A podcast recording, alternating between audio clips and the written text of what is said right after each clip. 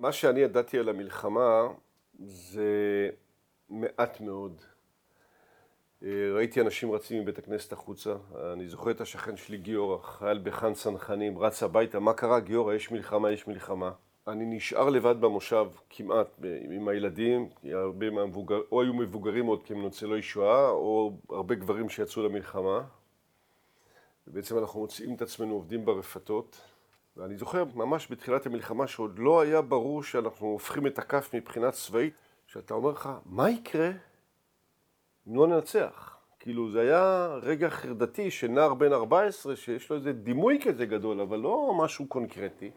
כמה אתה מרגיש שהייתם מודעים למה שקורה בתמונה היותר רחבה. זאת אומרת, ברור לי שבעמק הבכר אתם סיפרתם לעולם מה קורה שם. וזה היה אולי עולם המלואו בשבילכם באותו רגע. אבל בכל זאת יש סביבה, יש את יאנוס ז"ל שמדבר אליך מאחורה, אתם יודעים בטח כבר מה קרה ל-188 בדרך. יש לזה שני היבטים. אחד אם אני רוצה לדעת, ואחד אם אני יודע.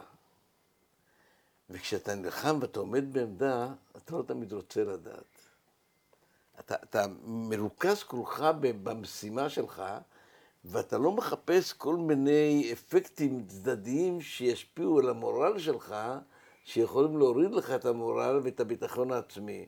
כלומר, אם אתה יודע שכולם סביבך כבר אה, חדר גדול ז"ל ונסוגים וברוכים וכן הלאה, זה יכול להשפיע עליך. ידענו ש-188 בדרום אה, נפגעה קשה מאוד, וההבנה וההפנמה בדיוק מה קורה שם זה היה כשיצאנו לכיוון אה, דמשק, ואז אה, זה בכלל היה, אני לא האמנתי שאפשר לעשות דבר כזה. אתה עובר להתקפה. היציאה מהמצב הנפשי שבו אנחנו הצלחנו, וכולם חצי מתים.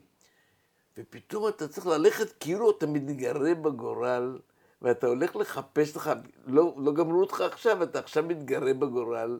וזה. ואז ינוש, עליו השלום, אמר, הוא היה צריך לתת לנו... אנרגיה. אני הייתי בסדר, אבל... ואז הוא אומר, אנחנו יוצאים לנקום את נקבתה של 188. כאילו, כן. היה צריך לתת לנו לנפח. איזשהו משהו נוסף, כן. כן. אני זוכר בתור ילד, אנחנו רואים את התמונה של דדו בווגוניר ברמת הגולן, עם היד ככה בחוץ, והוא אומר, אני אפילו דיברתי על זה עם אשתו, כשלימים הייתי רמטכ"ל והבאתי לו תעודה הביתה. הוא אומר, אנחנו גמרנו את הבלימה, עכשיו אנחנו נשבור להם את העצמות. כאילו, הכניס לנו איזשהו ביטחון כזה או אחר. ו... שהוא אמר, נשבור להם את העצמות. אתה זכרת את הביטוי הזה? אני זכרתי את הביטוי הזה, ופגשנו אותו אחר כך, כן. כשהיית רמטכ"ל, כן. זכרת? הייתה לי תמונה, אני חושב שהבאתי אותה לאלמנתו של דדו בזמנו, שדדו במסוק מסתכל החוצה כרמטכ"ל, ואני במסוק מסתכל החוצה כרמטכ"ל. באיזשהו מקום היה לי שילוב של התמונות האלה, מישהו מהצוות שלי עשה. עם עשרות שנים in between, אתה יודע, אבל uh, המועקה, אני חושב שהיא אותו דבר, כובד המשקל הוא אותו דבר, האתגרים מבחינה מקצועית הם כמובן שונים, אבל מבחינת ההרגשה הלאומית אני חושב שהם זהים. אתם יוצאים מהמלחמה ויש לכם ערימה של משפחות שכולות להגיע אליהם הביתה. וואו, זה בששת הימים לא ידעתי להתמודד עם זה. היה, חנוך לוין כתב הצגה, את ואני והמלחמה הבאה. ואז יושב אישה, אלמנה, ובאים זוג. ואז הוא אומר, התמונה פה, אז אשתו נותנת לו בעיטה. ואתה מדבר על התמונה, אתה מזכיר לה את הבעלה. כלומר, יש פה בעיה של לדעת איך להתמודד עם משפחות שכולות. ואז אתה פתאום מגלה עכשיו, אתה בא למשפחה שכולה, מה הם רוצים לדבר איתך? על מי שנפל. ואתה כאילו בורח מהדבר הזה, כלומר אם אתה לא יודע איך להתמודד, אז אתה כאילו בורח מהדבר הזה ורוצה לדבר על דברים אחרים כדי להשכיח, מה פתאום? תבואו, תביאו את התמונות, תנו לי את המכתבים, תראו לי את החדר שלו. בטח. אתה יודע, אני אחרי צוק איתן ביקרתי 68 משפחות אחת-אחת. אני זוכר את זה. אני לקחתי על עצמי את הניסיון של באתי ללמוד על מי שהכרתי יותר או הכרתי פחות, בדרך כלל רמטכ"ל וחייל זה הכרתי פחות. היו כאלה שהאשימו אותך? גם, גם. וזה היה באמת אה, רגעים קשים, אבל, אבל כאילו, אני ידעתי שאני הולך עם המשפחות בדרכן. כאילו, כן תהיו חזקות, לא תהיו חזקות, תהיו אתן, כמו שאתן, עם הכאב שלכם, ואנחנו לשירותכם ואיתכם. אני לא מכיר רמטכ"ל אחד שעשה, אני עקבתי אחריך, אני הייתי באגודה למען החייל אז בזמנו, ועקבתי אחריך, אני לא מכיר, באמת, לא שאני בא לשבח אותך, כן.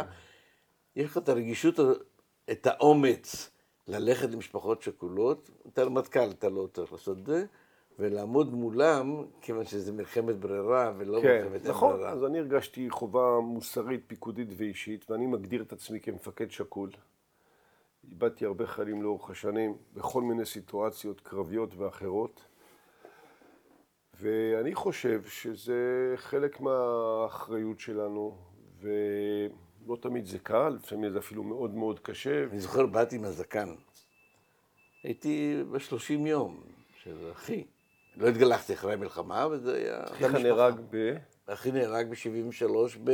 הוא היה בירח דבש. אבל אתה, כמה, מתי ידעת שהוא נהרג? לא ידעתי. זאת אומרת, אתה בזמן המלחמה לא יודע. לא, לא, לא ידעתי. הצוות שלי ידע, אני לא ידעתי. וגם אח של אשתי נהרג. והסתכלתי להם בעיניים, ויכולתי להגיד להם בדיוק איך הבן נפל ואיפה הוא נהרג וזה. ואז- ולא מצמצתי, כי היית שם. כי הייתי שם. בדיוק. אני חושב שגם אתה צנחת, ואני יודע שהצניחה השנייה הרבה יותר מפחידה מהראשונה. נכון. הרי אתה מגיע למלחמה הזאת אחרי הג'יראדי, אחרי ששת הימים, אחרי שכבר עברת חוויות, אתה מגיע עם הידע שכולל את הפחד לאירוע הזה. תראה, הייתי שנה בבית חולים, הייתי שרוף 60% מגופי, הכל עור שתול. כשיצאתי מבית חולים, שאלו אותי, אביגדור, לאן אתה הולך? ואז אני אומר, אני חוזר. השאלה שלך היא במקום, כיוון שבדיוק אני זוכר, גם צנחתי ואני יודע את הדבר הזה, ואני כל הזמן, ישנם מה שנקרא, אצלכם הצנחנים, היה כתוב, ידיעה מונעת פחד. כן. זה היה שלט נכון, גדול היה כזה. שלט כזה באימוני נכון? סליחה. עכשיו, נכון שחששתי שיש לי, יכול להיות שיש לי פוסט-טראומה. ואז אני שאלתי את עצמי, איך יוצאים מדבר כזה? אז פעם ראית פסיכולוג עובד, מה, מה הוא עשה? הוא נתן לך לדבר. כלומר, עצם זה שהוצאת את החוויה, אתה יכול לעמוד בפני חוויה חדשה. ואם אתה שומר את הכל אצלך בפנים, ואתה מופנם ולא מדבר, ואז זה מתפרץ לך. וזו אחריות, כי זה, אתה מג"ד, זה לא פשוט. אתה מג"ד שלא עומד על הגבעה ונותן אורות, אלא אתה המג"ד שנמצא הטנק הראשון. מה שאני כבר יודע להגיד גם מניסיוני שלי, שמישהו ברמת מג"ד נמצא בו זמנית בקרב אישי ובקרב של מסגרת. תראה, אני ניסיתי לבחון עד איזה תפקיד אתה מכיר את החיילים. אה, מג"ד לדעתי. מג"ד. בטח, אני תמיד אומר, מג"ד זה התפקיד הכי יפה. מג"ד זה הנקודה האחרונה כן. שבה המשימה והאנשים הם ביחד. ואתה מזהה את האנשים שלך מהעורף, כן. והם רואים אותך, והם רואים את המימיקה שלך, והם רואים את העצבני או לא עצבני, ויש לך את שפת הגוף שלך. אני תמיד שאלו אותי, גם כשהייתי רמטכ"ל, מה התפקיד הכי משמעותי? והייתי מפקד שלדג, והייתי מח"ט הצנחנים, וזה וזה וזה, התשובה שלי תמיד חוזרת למג"ד. ותמיד אמרתי למפקדים, בקורס מג"דים ומ"פים, יש לי בשבילכם מבחן אחד שיגיד לכם אם אתם במקום הנכון או לא. אם אתה שואל, תן לי תמונת מצב, סימן שאתה לא במקום הנכון. אני הייתי נכנס לשלוש א', שזה הטנק החדש הזה, הוא אומר לי, שלוש א', אתה עומד גבוה מדי, מג"ד רואה אותי. כן, זה, זה, זה בדיוק בדיוק מה שאתה... איך אתה מצליח כמג"ד לגעת בכולם? עכשיו, אתה מדבר עם שלושה מ"פים, ארבעה מ"פים, אבל הקול שלך, שומעים אותו. הם שומעים המ"פים, אבל לא כל אחרי החיילים. וחלק מהיכולת של המנהיגות זה המיקום שלך, הדוגמה האישית, וחלק מהיכולת זה לשמוע אותך בקשר. והם צריכים לשמוע את הצליל הזה שלך.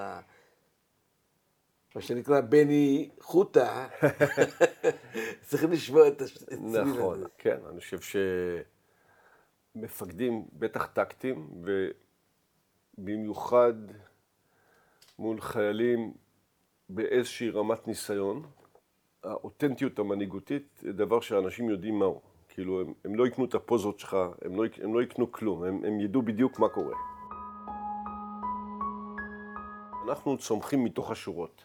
אני חושב שהחיים שלנו משתנים ברגע שאנחנו נהיים מפקדים, וככל שאנחנו מתבגרים זה יותר ויותר אה, משמעותי, אבל בעיניי זה מאוד טוב שצמחנו מהשורות, כי אנחנו יודעים מה הפקודה שלנו עושה כלפי מטה. וזה מעביר אותי ככה לנושא שבעיניי הוא חשוב אולי והוא קצת אקטואלי, על החשיבות של צבא העם.